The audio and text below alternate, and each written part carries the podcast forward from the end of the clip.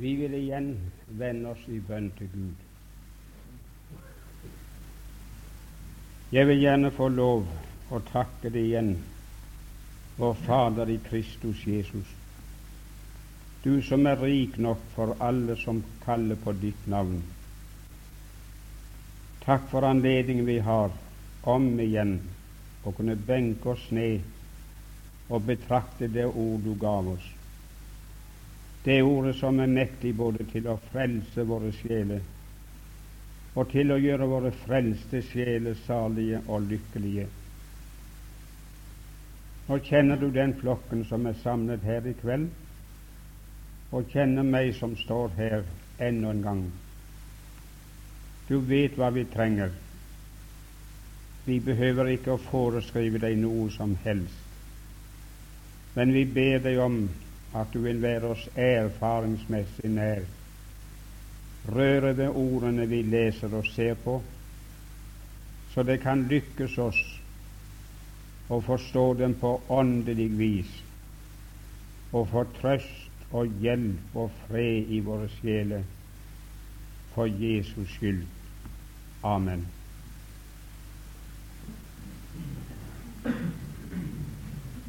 Første kvelden vi var sammen, så leste vi og sa det at Kristus Jesus er i Skriften kalt for Guds lam. Det er der ingen som kjenner sin bibel, som ikke vet og er klar over. Og det vil si det at han er Guds lam, at det er Gud som har skaffet ham til veie som sådan. Når døperen Johannes sto og ropte og sa 'Se der Guds lam', så vil han med andre ord si det er der, han som kommer der, er ikke deres lam. Det er ikke et lam som dere har funnet fram. Og det den personen skal utføre, er ikke et påfunn som er oppkommet i eders hjerte. Han er Guds lam. Han skriver seg fra Gud, og som vi har lest og sett, han var bestemt før verdens grunnvoll ble lagt, til å være et lam som ofrer seg selv i døden for våre synder. Men nå var det ikke det vi skulle snakke om i kveld. Bibelen sier også like klart som vi har lest før og nevnt, at han også er vårt lam. Og det vil si at som Guds lam så er han beregnet på oss. Det er oss det kommer til gode at han kom til denne verden som Guds lam og ofret seg som lammet. Jeg vil minne om igjen om et vers i uh, første Korintiabrevet, det femte kapittel, og det er det syvende vers. Vi kan gjerne lese det syvende og åttende vers sammen, men jeg sier ikke noe nå om det åttende vers. Rens derfor ut den gamle surdeig, så dere kan være ny deig, like som dere er usyret. For vårt påskelam er jo slaktet, det er Kristus. Så det kan altså ikke diskuteres om han er vårt lam eller ikke. Vårt påskelam er jo slaktet. Og det verste tar våre tanker tilbake til annen Mosebok 12. Jeg håper at det kjenner innholdet av det kapittelet, så det er ikke nødvendig å lese alt sammen som står der nå i kveld. Men det vet det fortalt oss at Gud forløste Israel ifra Egypten og Egyptens trelldom ved et lams død og blod. Han sa dere skal ta et lam, som jeg nevnte før, på den tiende dag i denne måneden, og så skal det ha det i forvaring til den fjortende dag. Og så skal det slakte det, slakte det mellom de to aftenstundene. Og så skal dere ta av blodet og stryke på de to dørstolpene og på det øverste dørtreet, ikke på terskelen, for uh, Gud ville avskygge at ingen skulle trampe på forløsningens blod. At det så ringe at de satte foten på det. Men på de to stolpene og det øverste dørtre skal de stryke blodet av lammet. Og så, når jeg går igjennom Egyptens land, når morderengelen kommer, som skal slå i hjel alt førstefødte, både av Israel og egypterne, alt førstefødte av mennesker og dyr, så skal jeg se blodet og gå dere forbi. Og så skal ikke noe slag ramme dere til fordervelse når jeg slår Egyptens land. Og så gjorde de det. Og når morderengelen kom, så så han blodet på dørstolpene. Og Gud sa, om du leser etter hva det står, at blodet, det skal være dere et tegn det skal være et tegn på de huset hvor dere er. Og hva skulle det være tegnet på? Vitnesbyrd om i det huset der har dommen falt. Der er altså den førstefødte død. Det ville ikke ha vært blod på døren hvis det ikke var en som hadde gitt sitt liv og så skulle han se blodet, ikke noe annet, og så går dem forbi. Slik gjorde de det, og slik handlet Gud. Det var påskelammet for deres vedkommende. Og det vil med andre ord si at påskelammet i Egypten var de førstefødtes træder. Det er den tanken som jeg vil kalle oppmerksomheten til i kveld. Det lammet ga sitt liv ikke for sin egen skyld. Det hadde ikke gjort noe som fortjente døden, men det ga sitt liv i plassen for en som var skyldig til døden. Det var en stedfortreder. Uttrykket det kjenner dere. Men jeg er ikke så sikker på at alle av dere tenker over hva som ligger i det, at Kristus Jesus som vårt påskelam var vår stedfortreder,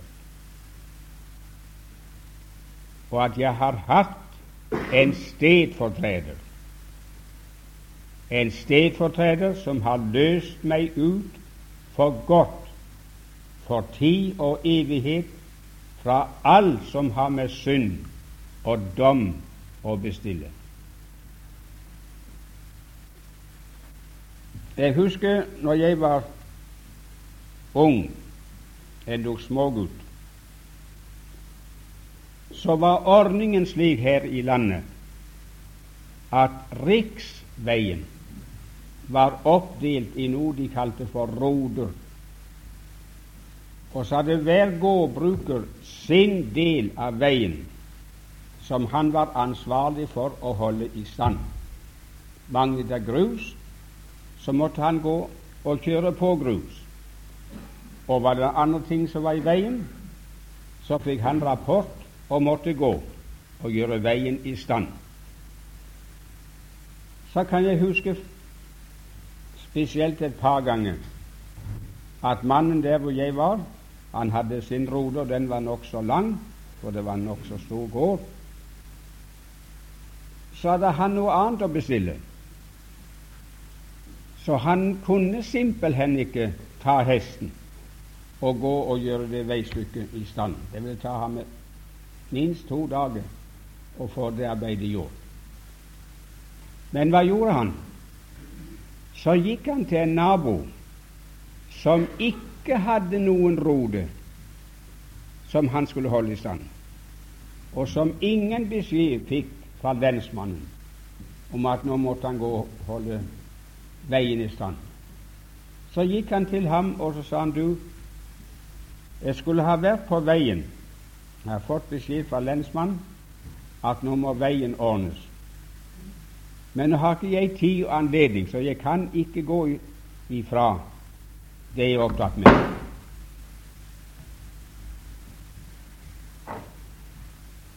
Og gjøre det der.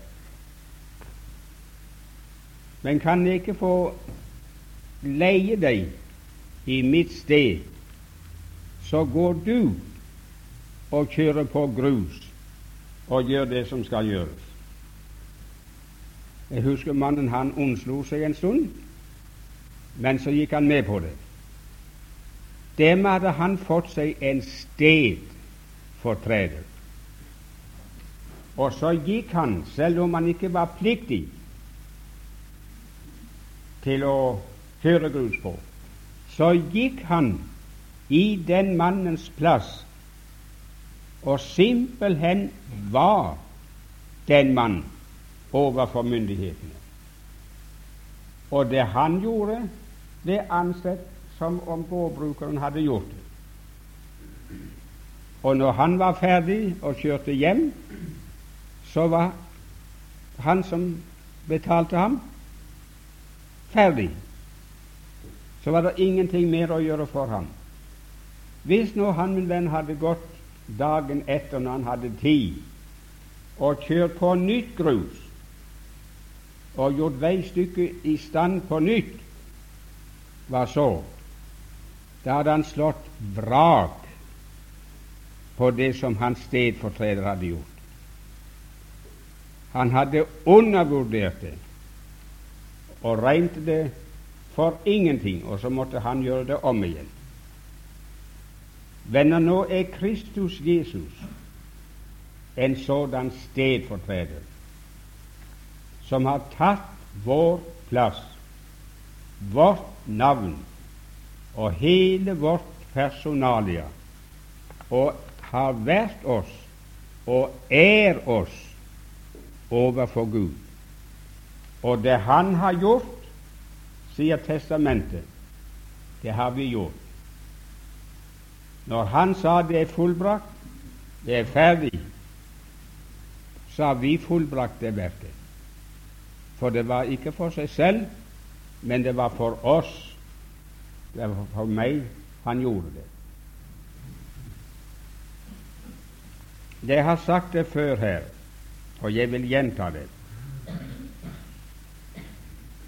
Den dommen som var avsagt over oss mennesker, som syndere, den død på døden. Den som synder, han skal dø.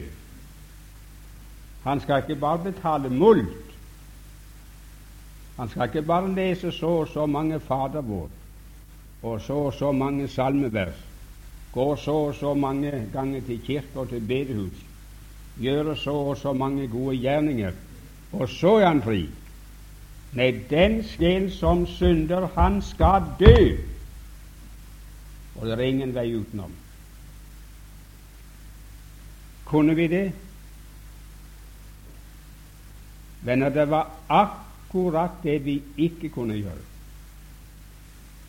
Vi kunne prøve på alt annet, men ikke sette livet til, for vi ville ha blitt i døden. Men så sier Testamentet at Gud sendte sin sønn til denne verden og lot ham ikle seg kjøtt og blod, for at han ved døden skulle kunne utfri alle dem som var i trelldom på grunn av dødsfrykt all sin levetid. Han fikk del i kjøtt og blod for å kunne dø.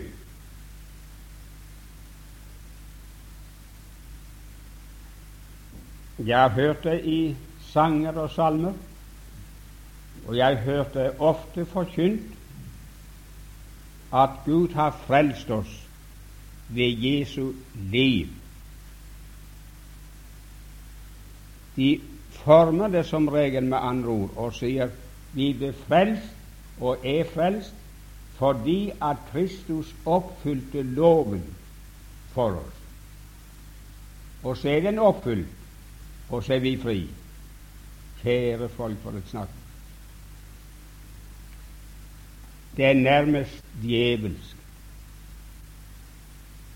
Venner, jeg er ikke frelst fordi at Kristus Jesus har holdt loven og oppfylt de kravene.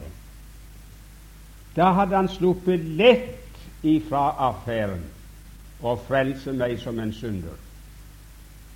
For dommen over meg lød ikke på det at jeg skulle holde loven, men den lød på den som synder skal dø Nei, venner, han hadde holdt alle Guds krav, bevart Guds yndest over sitt liv, helt fra han var født og inntil de naglet ham til et kors på Golgata. Men hadde han ikke gjort mer enn det, så hadde vi vært fortapt tross hans fullkomne liv. Men han fikk del i kjøtt og blod for at han ved døden skulle kunne utfri dem som var i trelldom all sin livstid. Han måtte dø, akkurat som med påskelammet i 2. Mosebok 12. Dommen var avsagt over alt førstefødt i Egyptens land, også over israelittenes førstefødte. Men så ga Gud dem en stedfortreder, et uskyldig lam, som døde i plassen for dem. Og så regnet Gud med at det var like godt som om de selv var avgått ved døden. Lammets død ble deres død. Og når lammet ga sitt liv, så fikk de beholde sitt liv. Venner, det er ingenting jeg har vært mer takknemlig for, og heller ikke er det i, i kveld, enn at jeg har hatt en stedfortreder som har tatt min plass og vært meg overfor Gud når det gjaldt min dom, som lød på døden. Det er ingenting Ja, vi synger i en sang Meg til frelse jeg intet vet, uten deg, Guds lam. Jeg vet ingen annen ting, og ønsker aldri å vite meg noe annet til frelse enn det. Jeg har hatt en mann i plassen for meg, og han han var i stand til å dø for meg. Ikke bare vise meg hvorledes jeg skulle leve og vandre i denne verden, men han tok plassen min som en dødsdømt synder, så jeg fikk min død i hans død. Vi synger en salme, det er forresten en svært god salme i alt det øvrige, men det står annet den strofen Jesu fotspor Jesu fotspor er alene vei til himmelriket. Har du hørt på maken? Har du hørt på maken, min? Du kan bare ta Jesus som eksempel. Han har etterlatt oss et eksempel at vi skal vandre i hans fotspor. Og så er det alene veien til himmelriket. Hvis det var tilfellet, min venn, så kom jeg aldri til himmelen. For jeg er aldri klar til fullkommenhet å følge Hans fotefar. Det har ikke du heller. Nei, min venn, min eneste redning og eneste vei til himmel og salighet, det er det ene Kristus, Guds lam. Det er mitt lam, og så døde han for meg. Og hans død ga meg livet. Ta det fra meg, og jeg har ingenting å trøste meg med i denne verden. Men så vil jeg gjerne nevne noe av følgene av hans stedfortredelse. Når det gjelder påskelammet i Annen Mosebok 12, så hadde det flere følger. Og Den første jeg vil nevne for oss nå i kveld, altså det første resultat av hans stedfortredelse, det er at ethvert menneske som har tatt imot og tro på Kristus Jesus, har fått sin straff. Og dommen er eksekvert over ham, og kan ikke bli eksekvert om igjen. For da ville Gud undervurdere det verk som Kristus har gjort. Det er gjort en gang for alle, og Gud forlanger det. Ikke det er gjort opp igjen, verken av meg eller noen annen. I ham har vi fått vår straff og vår dom. Jeg vil få lov å sitere noen vers. I Jesajas 53, der leser vi i det femte vers og sjette vers.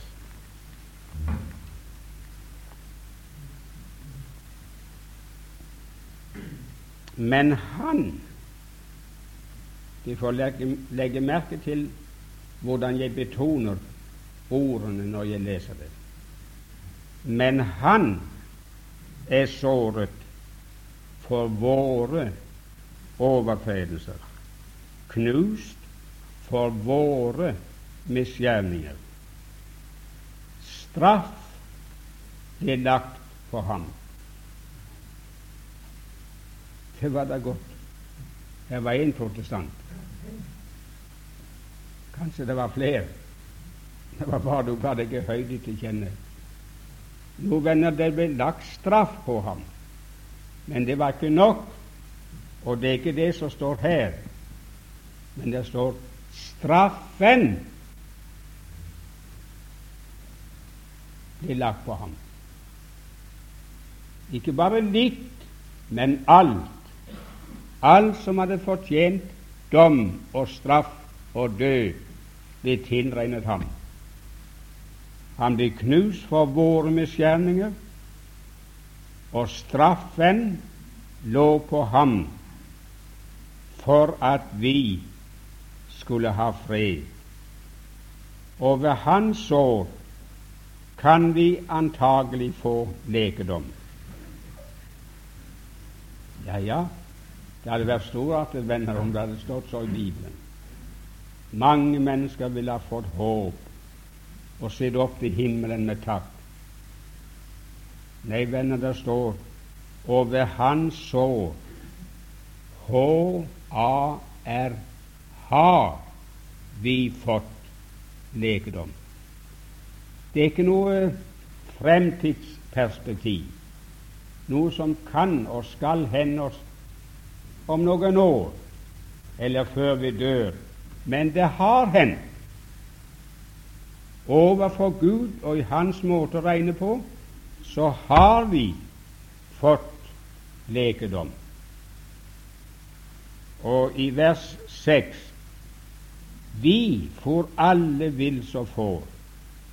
Vi vendte oss hver til sin vei, men Herren lot våres alles misgjerninger ramme ham.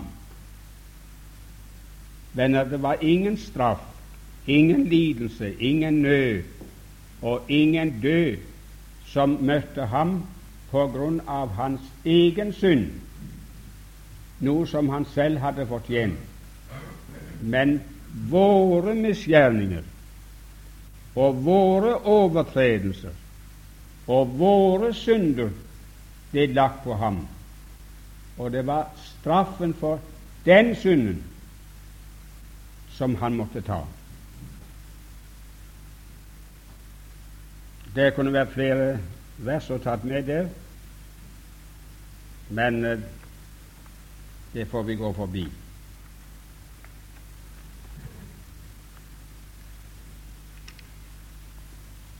Jeg husker vi leste det her forleden, første dagen, i Johannes 1, 29. Se der Guds lam som bærer, som tar av veien verdens synd. Ikke sin egen synd, for han hadde ingen. Hvem av dere kan overbevise meg om noen synd? Han visste ikke av synd, og langt mindre hadde gjort synd. Men allikevel står det han bar synd. Han tok vekk synd men det var verdens synd. Jeg har vært mange ganger glad for jeg har ikke vært kommet lenger at jeg har aldri funnet mitt navn, Johan Adolf Bjerkreim, i Bibelen. Intet sted. Verken når det taler om synd, eller når det taler om frelse fra synd. Jeg har aldri funnet mitt navn unntagen der jeg må ha skrevet det selv. Hvis jeg hadde funnet navnet mitt, at han bar den mannens synd som hadde mitt navn, så hadde jeg uten tvil enten kommet til å tatt mitt liv eller blitt sinnssyk. Jeg ville ikke ha holdt det ut. Hvis det hadde stått Se det Guds lam som bærer Johan Adolf Bjerkrems synd, ta den vekk. Hvordan skulle jeg bli bevisst på at det var meg, det? At det aldri i denne verden før hadde vært noen annen med det navnet, verken her eller i de andre verdensdelene. Jeg hadde aldri blitt trygg. Men nå finner jeg ikke mitt navn, men jeg finner verden. Han bar verdenssynd. Straffen for verdenssynd, den lå på ham. Og selv djevelen har ikke vært så dum at han har villet innbille meg at jeg ikke tilhører verden. Han har hatt mye strev med å overbevise meg om at jeg er så helt igjennom, i bunn og grunn, verslig at det ikke kan være nåde nok for en sådan. Men å benekte at jeg tilhører verden, det vet han går ikke. Så det har han spart seg for. Men i det øyeblikk at selv djevelen må innrømme at jeg er en del av verden, så har han vært med å forkynne meg evangeliet. For så sier vel, Satan, da er Kristus død for meg. Da har Kristus båret min synd, og da har straffen for min verslighet og min ugudelighet og alt som ikke er som det skulle være, så har den lagt på ham, og så rammer den ikke meg. Så enkelt er forholdet. Peter han skriver i uh, sitt første brev, andre kapittel, 24. vers, Han som bar våre synder på sitt legeme og på treet. Ikke sine, men våre. Det er stedfortrederen som det ordet taler om. Og Paulus han skriver i 1. Korintene 1,3 at Kristus døde for våre synder etter Skriftene. Jeg har hatt så mange ganger trang til å kunne få sagt og vist folk hva der egentlig er sagt. Men det som det fattes med ord Kan ikke du nå prøve i kveld og så legge en tykk strek under ordet Kristus? Kristus døde for, vil si i stedet for, våre synder etter Skriftene. Det var vi som skulle ha dødd. Det var jeg som skulle ha dødd. Men det ble ikke meg. Men jeg fikk en stedfortreder, og så døde han for våre synder etter Skriftene. Enklere kan det i grunnen ikke sies.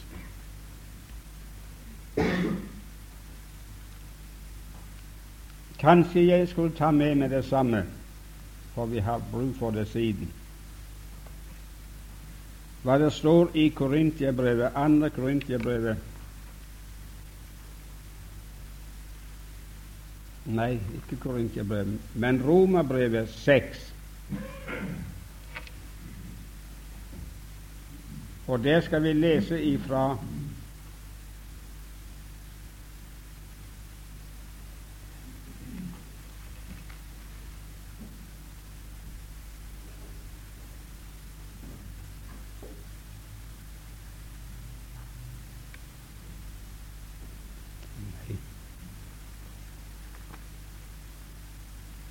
Det var det. Jeg hadde Korintiabrevet, men det var Romerbrevet 6. Og der skal vi lese fra vers 7. For den som er død, er rettferdiggjort fra synden. Men er vi død med Kristus, da tror vi at vi også skal leve med ham, fordi vi vet at etter at Kristus er oppstanden fra de døde, dør han ikke mer. Døden har ikke mer noen makt over ham. Men ikke far for fort over det verset der. Men er vi døde med Kristus, da tror vi at vi også skal leve med ham. Ikke at da håper vi at vi skal leve med ham, men vi tror det. Og Bibelen selv sier at tro, det er en full og fast overbevisning om ting som håpes og ikke ses. Så apostelens mening er her er vi døde med Kristus. Da har vi en full og fast overbevisning om at vi også skal leve med ham. Hvorfor har de den overbevisningen? Se på vers 9 om igjen. Det er fordi vi vet at etter at Kristus er oppstanden fra de døde, dør han ikke mer. Døden har ikke mer noen makt over ham. Og følgelig hvis det gjelder meg, hvis han er en stedfortreder, så har døden heller ingen makt over meg som tror på ham. For sin død, den døde han en gang for synden, men sitt liv, det lever han hos Gud. Nei, det var galt. Men det var folk flest tro men sitt liv, det lever han ikke hos Gud. Hva sier du? Er han ikke i himmelen? Er han ikke i Guds nærhet? Lever han ikke hos Gud? Jo da, men det er ikke det som står her. Men sitt liv, det lever han for Gud. Tror du at Gud er tilfreds med det livet som den oppstandende Kristus nå lever i himmelen? Jeg har ikke bedre ved for jeg tror han, han er tilfreds med det. Men det livet lever han ikke til beste for seg selv, men han er hva han alltid har vært, en stedfortreder. Som han døde for meg på Golgata, så lever han for meg for Guds ansikt hver eneste dag. Han åpenbarer seg for Guds åsyn, oss til gode, står det på svensk, til beste for oss. Og således skal også dere akte eder som døde for synden, men levende for Gud her på jorden. Det blir også galt, min venn. Således skal vi også akte oss som døde for synden, men levende for Gud i Kristus Jesus.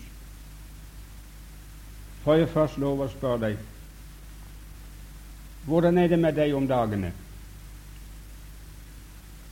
Akter du deg Akter du deg for å være død for synden? Eller er det bare Kristus du betrakter som den der døde for synden? Det er for lite, det, min venn. For hvis Kristus døde for deg, så er hans død din død. Og som følge av det, sier Den hellige ånd, at vi skal akte oss som døde for synden. Men ikke bare anse oss og betrakte oss og regne oss som døde, men også akte oss som levende for Gud. Jeg har sagt det på Åkra, jeg har sagt det hvor jeg har reist, og jeg gjentar det. Det har aldri vært noen ting i mitt liv som jeg har ønsket mer enn å kunne leve mitt liv for Gud, og bare for Ham. Og du, når de sang Jeg husker når jeg var ungdom, når de sang Orhem sang 'Heid for Jesus', 'Heid for Jesus'. Å, det slo an. Å, kunne jeg bare Så manglet det ikke på at jeg ville. Men det er ingenting, det tilstår jeg her, som jeg kommet så til kort i alle disse årene, som nettopp i det å leve livet mitt for Gud. Men så står det her, min venn, at jeg skal akte meg levende for Gud i Kristus Jesus.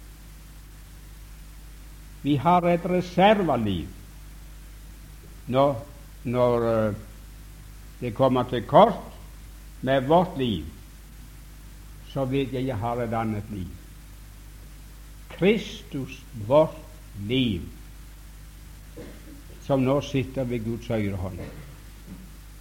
Og så akter jeg meg levende for Gud i den mannens liv som lever det for meg. Og så vender jeg for mitt vitnesbyrd en ganske annen tone. Det går ikke og famler og famler som de blinde langs en vegg, og ikke vet hvor det bærer hen. Men da vet jeg at jeg er frelst, for Gud har antatt meg i en annen manns død og en annen manns liv, som nå lever for ham i himmelen.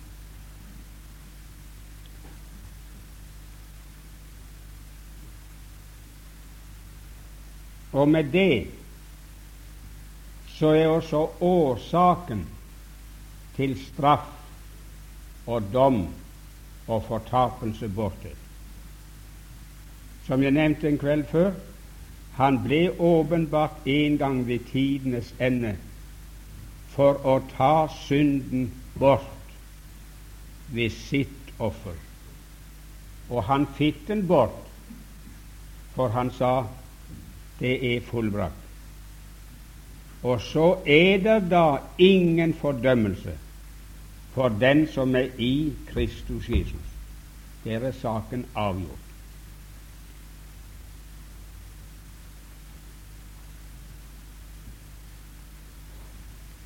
Hvis vi spør da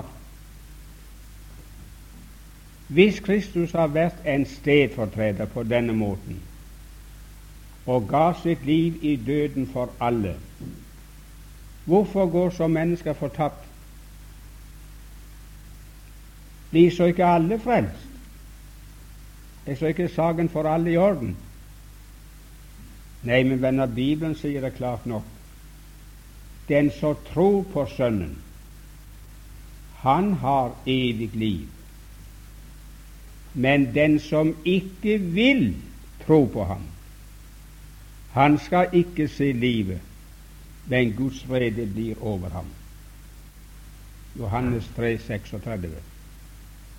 De som tror på Sønnen, har evig liv.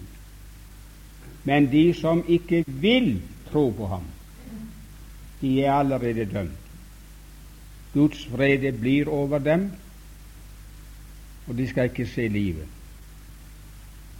Den som forkaster Guds sønn og forkaster det verk som Gud har utført i ham til vår frelse, og lever sitt verslige, syndige liv og tramper Hans Sønns blod under føttene, de får en gang ta følgen av det.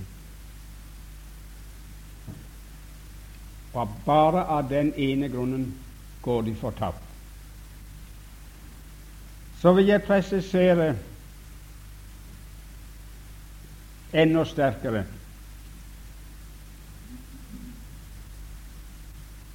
Det jeg nå var inne på, nemlig at i Guds måte å regne på. Altså ikke din og min måte å regne på, for den kan være ravgal, men i Guds måte å regne på, så er vi selv som Adams barn avgått ved døden og står nå for Gud som en helt ny skapning i Kristus Jesus. Vår fortid som et Adams barn, den er slutt. Den fikk sin avslutning ved Kristi kors. Hans kors, min venn, det vi har fått visst om det, det er Guds punktum finale på den gamle Adams historie.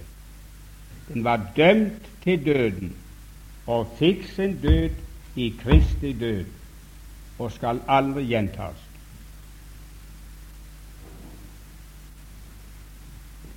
Nå vil jeg ta dere med tilbake til 2. Mosebok 12. Det er praktisk talt ikke noe kapittel som for meg personlig har betydd mer enn det tolvte kapittelet i annen Mosebok. Jeg siterte i sted at Herren sa til dem at når de har slaktet påskelammet og anvendt blodet på dørstolpene og dørtreet, så skal blodet være eder et tegn når jeg går igjennom Egyptens land. Morderengen, han skal se blodet og går dere forbi, og så skal ikke noe slag ramme dere til fordervelse når jeg slår Egyptens land. Og som jeg sa i sted, så var blodet et tegn og et vitnesbyrd om her er falt. Her er en død, for her er blod. Morderen hadde fått bare én ordre, én beskjed. Gå igjennom landet og så slå i hjel alt førstefødt. Men du skal ikke slå i hjel to. Det er bare den førstefødte. Men så finnes det et folk i Egyptens land som uh, står i en særstilling. Jeg har gitt dem en stedfortreder som har gitt sitt liv for deres liv. Og blodet av den stedfortrederen har de smurt på dørstokkene sine. Så når du kommer til Egyptens land og går gjennom landet, så skal du ikke gå inn i husene og så se og føle på de som sitter der. Men du skal bare ha ditt blikk vendt mot dørstolpene i huset. For blodet skal du stryke på utsiden av stolpene. Selv sitter de inne og spiser av lammet som døde, og selv kan de ikke se blodet, for det er på utsiden. Men se når du bare etter hvert hus hvor du kommer forbi, om det er blod For jeg har sagt de skal ta blodet av den stedfortreden og stryke på dørstolpene, og så skal jeg gå dem forbi, og ikke skal noe slag ramme dem til fordervelse. Kan du se den morderengelen når han hinatt natt gikk gjennom Egyptens land? Hadde ikke øynene vendt til husene, arkitekturen og alt dette her, men bare på dørene. Så kom han til en dør hvor det ikke var blod. Der eksekverte han dommen. Og innenfor dørstolpen der var det den første født som døde. Han gikk til neste hus. Å, her har døden vært. Her er blod. Og da kan de gå inn igjen og slå en til igjen. Det er nok når den ene er død. Sånn var forholdet hin påskenatten i Egypten. Og derfor heter det påske. Gud sa du skal kalle denne dagen for påske, og det betyr forbigang. Jeg går forbi dere, så jeg ikke slår dere i hjel, men lar dere leve.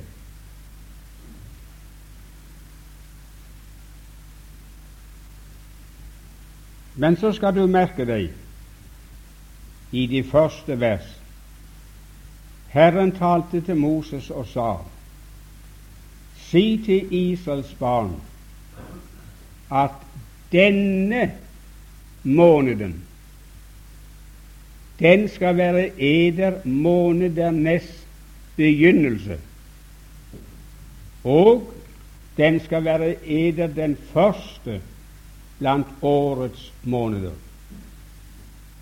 Hvilken måned var det?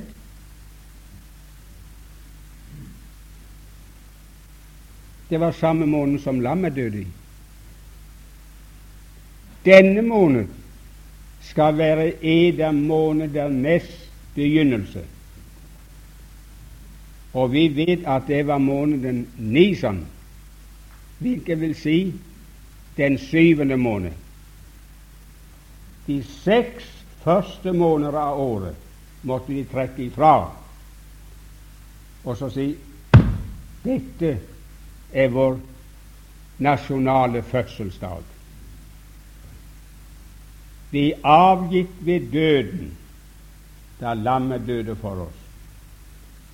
Og så begynner vi et helt nytt liv. Det skal være den første i årets måneder, og den skal være oss månedernes begynnelse. Alt vårt gamle liv, det må vi trekke fra, for det blir slutt, det endte der da påskelammets liv det utgikk.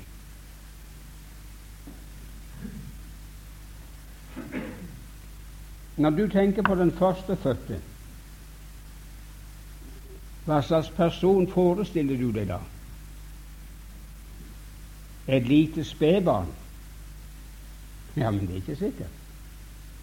Den førstefødte i et hjem kunne være et lite spedbarn på noen timer. Men det var større sannsynlighet for at den førstefødte var en gammel olding, en gammel mann med skjegg. Det var den førstefødte i den familien. Og se nå, i den natten, med den vanlige tidsregning, så var det en veldig forskjell mellom den nyfødte babyen, et spedbarn, og så en gammel olding, la oss si på 80-90 år.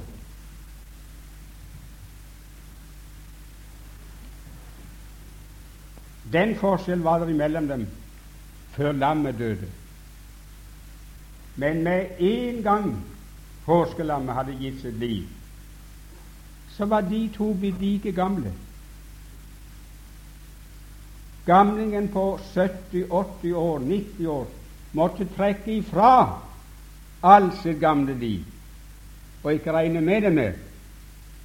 Og den lille babyen han måtte trekke fra de, de to-tre timene han hadde levd. Og så var de to for Gud like gamle. Nå har de fått sine måneders begynnelse og sin januarmåned, årets første måned. Først der begynte livet. Et liv tok slutt, og et annet liv begynte. Og det er venner hva Det nye testamentet forteller oss og forsikrer oss om, at da Kristus døde, så døde vi. Vi døde i en annen mann. Gud regner en annens død for å være vår død. Og like klart og like tydelig sier Skriften at vi er en ny skapning i Kristus Jesus. Det gamle er forbeganget, og alt er blitt nytt. Slik regner vi ikke her på jorden, men så merkverdig regner de i himmelen. I Kolossenserbrevet, det andre kapittel, der skriver Paulus til kolossenserne om at de må ikke la seg være bundet av bud og forskrifter som var gitt ved Moses, nymåner og høytider og sabbat og mat og drikke, det må du spise, og det må du ikke spise. For, sier han, dere er avdøde med Kristus. Dere er avdøde fra verdens barnelærdom, og dere må regne dere som avgått ved døden, og som ikke lenger levende i verden, men oppreist og satt med Kristus i himmelen som en nyskapning. Og så sier han de merkelige ordene i eh, ikke 20. vers, omkring 20. vers. Vis dere Det er altså Kolossenserbrevet 2. Hvis dere er avdød med Kristus, hvorfor gir man eder da som om dere levde i verden? slike bud. Ta ikke, rør ikke, smak ikke. Har du hørt noe? Så meningsløst. Levde de ikke i verden? Bodde de ikke i byen Kolosset? Satt han ikke og skrev et brev til dem? Jo visst levde de, min venn. De hadde aldri avgått ved døden i sin egen person hadde aldri blitt begravet som et lik på kirkegården. De levde i verden og var i verden, og han skrev til dem i verden. Men allikevel sa han, brødre, hvis dere er avdød med Kristus, hvorfor kommer man da og så gir dere slike bud? Ta ikke, rør ikke og smak ikke, osv. loven, forskriften ved Moses, den var beregnet på levende folk. For folk som levde i verden. Men nå er de avgått ved døden på en mystisk måte. Det er avgått ved døden i en annen manns død. Og så må ikke de regnes med som mennesker som lever i verden. De må betraktes som mennesker der er stått opp igjen og er satt i himmelen i Kristus Jesus. Er dere oppreist med Kristus, sier han i kapittel 3, så la eders hu stå til det som er der oventil, og ikke til det som er her nede. Buden og forskriften og høytid og sabbat og alt det der, det var ting som var her på jorden, beregnet på levende folk. Men nå hvis dere er døde med Kristus og oppreist med ham og satt i himmelen med ham, så må dere søke det som er der oppe. Og ikke la sinnet være opptatt og bundet av de loviske og jordiske bestemmelsene. Det er dere fri for. Nå, i stedet for selv å si noe mer om det, så vil jeg lese noe for dere som er sagt av en annen mann. Og jeg har aldri lest og aldri hørt noen som har sagt det så godt, så klart og så riktig som den mannen. Det er den tyske presten Kromaker. Han skrev i en bok, og jeg har det avskrevet her. Og ordet som han gikk ut ifra, det var Kolossensebrevet 3, 3, hvor det står I er jo døde, og eders liv er skjult med Kristus i Gud. Og om det sier han så Nå kommer det ordrett hva Kromaker har sagt. Og jeg vil gjerne understreke at det var en tysk prest. Vi beskyldes ofte for, når vi snakker om dette som jeg nå har talt om, at vi er døde med Kristus. Vi er reist opp med ham, vi er satt i himmelen med ham. At det er noen anskuelser som er importert fra England og Amerika. Det er reformert, og så må vi ikke lukte på den gangen. Da må vi ta oss i vare. Men det er ikke bare det, venner. En så eldgammel mann så langt tilbake som da Kromaker var prest i Tyskland, var den sannheten levende og klar. Og sagt så sterkt at ingen som lever i dag i vårt land, har kunnet sagt det så sterkt. Jeg kunne nå, fordi jeg har lest det, sagt det etter ham som om det var mine ord men det tør jeg ikke. Det er visst galt nok som det. Men nå skal du høre hva han har sagt. Se hen til Golgata. Hva velter seg der hen over Israels hellige? Som et uhyre kommer det på nattens vinger. Det kommer med tusener redsler, gyseligheter, kvaler. Den allmektiges vrede er i dets selskap. Det jublende helvete er i dets følge. Uten tømme og bitsel størter det frem. Det kan gjøre med mannen på korset hva det vil. Ingen trøstende engel står ved den angrepne side. Intet skjold fra det høye beskytter ham mot hint spøkelsesraseri. Han er forlatt av Gud og hele verden. Og i denne gyselige forfatning ser han dette gresselige vesen gå løs på seg. Det utslukker hans øynes lys, knuser hans hjerte, overtrekker hans lemmer med iskold blekhet og river ham under helvetes triumfskrik sjel og legeme fra hinanden. Hva er dette for et skrekkelig uhyre? Med hvilket navn skal vi nevne denne evige sønns skrekkelige undergang, den blodige katastrofe og ødeleggelse? Den heter død. Men vis død var det. Det var ikke Kristi død, men din og min død er det. Det er den forbannelsesdød som var vår tilsvoren lodd som syndere. Kun at en hellig representant lider den. Han lider den for oss, i vårt sted, i vårt navn. Vi led altså døden i ham. Vi døde i ham, virkelig og historisk døde, og døde således For å høre efter om du blir tolket av meg.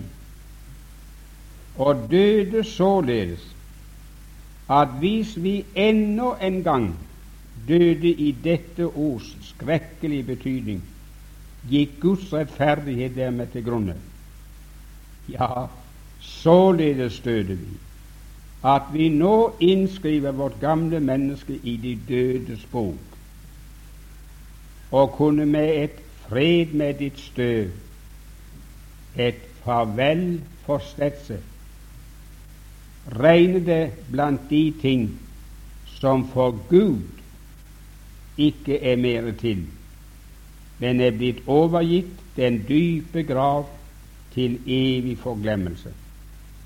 Se, venner, her er grunnen hvorfor vi triumferer.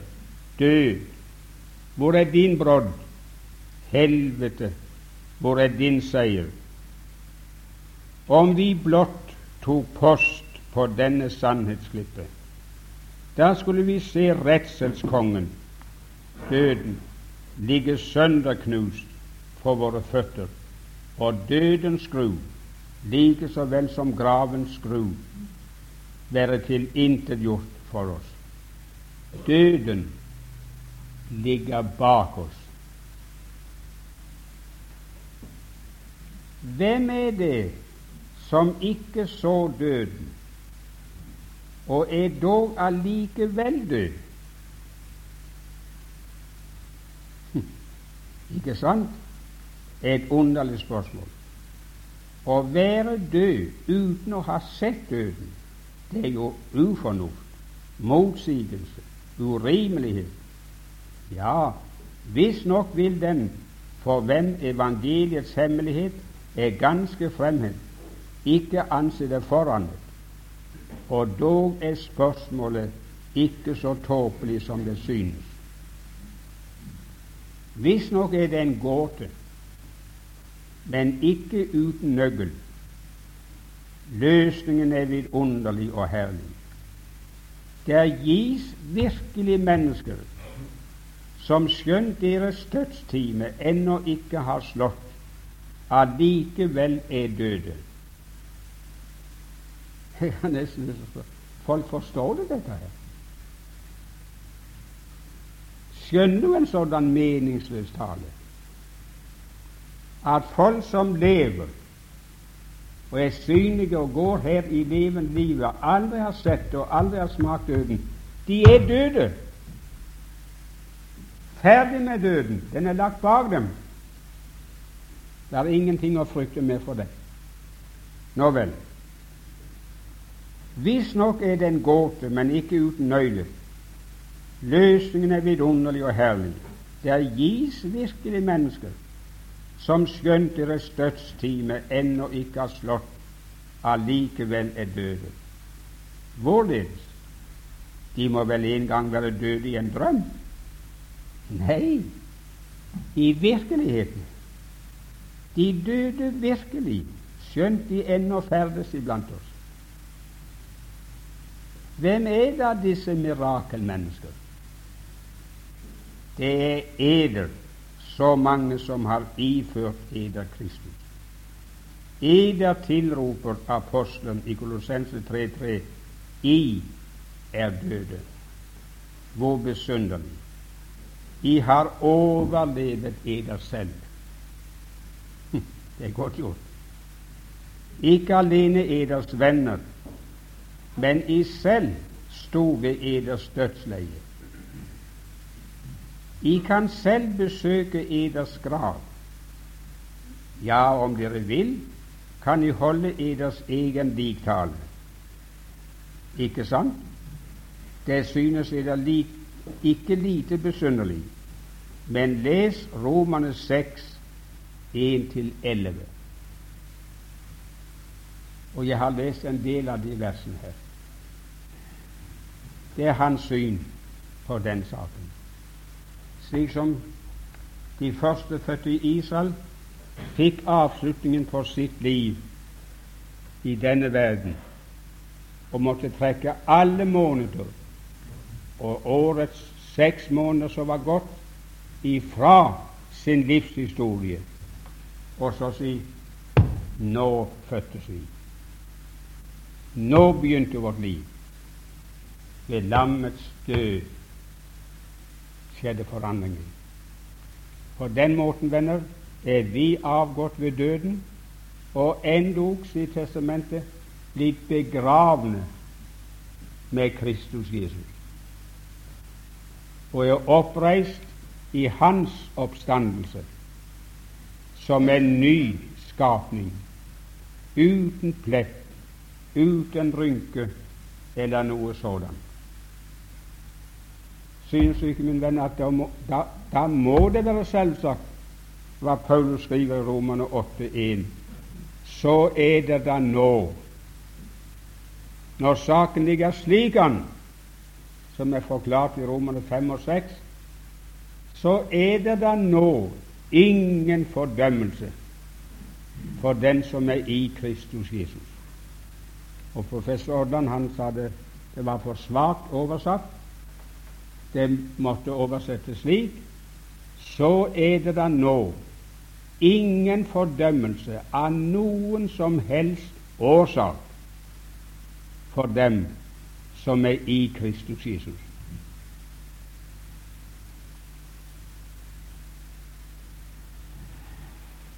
Ja, ja, vi skal stanse der. I morgen kveld så tror jeg vi vil ta med det åttende vers i Korintiabrevet 5, som sa La oss derfor holde høytid, ikke med syret brød, men med renhets- og sannhets usyrede brød. Venner, det er én ting å være frelst, å vite at vi er frelst, og går til himmelen når vi dør. En ganske annen erfaring er å holde høytid for Herren. Å være et lykkelig menneske som kan holde høytid for Herren med renhets- og sannhets usyrede brød. Og så blir all den gamle surdeig i verden og i vårt liv renser ut. Vi befatter oss ikke mer med det. Det skal vi prøve oss å si litt om i morgen kveld. Og det vil jeg gjerne ta med, fordi det er så mange som, som uh, heller den veien at hvis vi preker sånn som vi har prekt nå disse dagene, så gjør vi troende folk ansvarsløse. Har vi ikke ansvar for noen ting, så kan vi leve som vi vil og bare la det skure. Nei, men venn, det går ikke. Det påhviler oss et ansvar å holde høytid med det påskelam vi har fått, med sannhets- og renhets usyrede brød. Jeg sa det visstnok på bibelkurset på Vea. Jeg skal slutte med det her i kveld. Sånne gode ting kan ikke sies for mange ganger. Jeg kom et sted og hadde møter. Og så spurte jeg mannen som jeg bodde hos Det var et nytt sted jeg var på. Uh, hvordan hadde hatt det her nå en tid? Hadde hatt noen virksomhet? Ja, vi har hatt det. Det er ikke så meget sånn, men vi hadde en mann som var her åtte dager. Uh, hvem var det? Ja, så sa han navnet. Jeg nevner ikke navnet her i kveld, men det vil jeg kjenne han godt. Ja, da har vi iallfall hatt det godt, for jeg kjenner, jeg kjenner ham. Ja, sa han, og så ble han så lang i ansiktet. Det var sikkert en, en god, alvorlig, dyktig mann, men uh, Men? Var det noen menn der? Det har jeg aldri lagt merke til, sa jeg. Jo, sa han, det var så godt og visstnok så sant, det han sa. Men det mangla noe. Han gjorde de troende ansvarsløse. Jaså? På hvilken måte? Nei, du kan skjønne det sånn at hvis frelsen forholder seg slik som han forkynte og leste fra, fra Testamentet, så kan vi jo leve akkurat som vi vil. Så det er ikke noe ansvar for det. Vi går, vi går til himmelen likevel. Så falt det meg inn med en gang. Det var første gang jeg hadde tenkt det. Så sa jeg, men stopp litt. Hvis det nå kom en engel fra himmelen, som du visste var en engel, og han bekreftet det, at frelsen er slik, det forholder seg slik som han forkynte, ville du begynne å leve avgudelig? Ville du da ta på syndet? Vil det virke slik på deg? Så glemte han seg ganske vekk, så han er galen. Sånn. Kan du tenke deg at jeg vil begynne å leve et verdslig liv? Nei, jeg kunne ikke vite det, for du sa da kan vi jo leve som vi vil. Du vil altså leve annerledes hvis du er trygg på at du ikke gikk fortapt. Så du bare la det stå til. Nei, er du gal? Nei, det kan være mye galt med meg sånn, men, men, men så borti veggen er jeg ikke. Nei, nei, men så skal du love meg en ting i kveld. Du skal legge vekk den gamle klisjeen. Den er ikke brukbar lenger. For det er noe som du har hørt av andre. Så har du lært det utenat. Og så bruker du det som et angrep imot en fri evangelisk forkynnelse. Så ikke bruk det der mer. Når ikke du vil leve annerledes, hvis du visste at det der var sannheten, hvorfor tror du andre troende vil gjøre det? Vil ikke Den hellige ånd virke på samme måte i dem som han virker i deg? Han ble stum. Men vi skiltes med at han sa jeg må visstnok ha tatt feil. Jeg må visstnok ha tatt feil. Og venner, det er her folk tar feil. Til skade for seg selv og til skade for andre. Fader i himmelen, jeg vil så gjerne få lov å be deg at du vil ta deg av og slå djevelen, så det ikke skal lykkes ham å snappe bort all den sæd som er strødd ut i kveld. Vi har sitert så mange av dine ord, de beste vi vet, det beste vi har å klamre oss fast i vårt liv. Og hans interesse er å plukke det vekk, så det ikke smelter sammen med oss ved tro.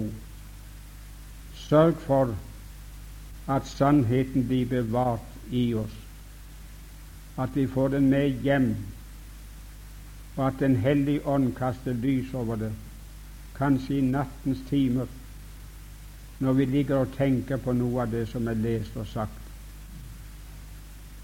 Det vil være til ære for ditt navn, og til hjelp i alt vårt praktiske liv i verden. Hør våre begjær for Kristi skyld. Amen.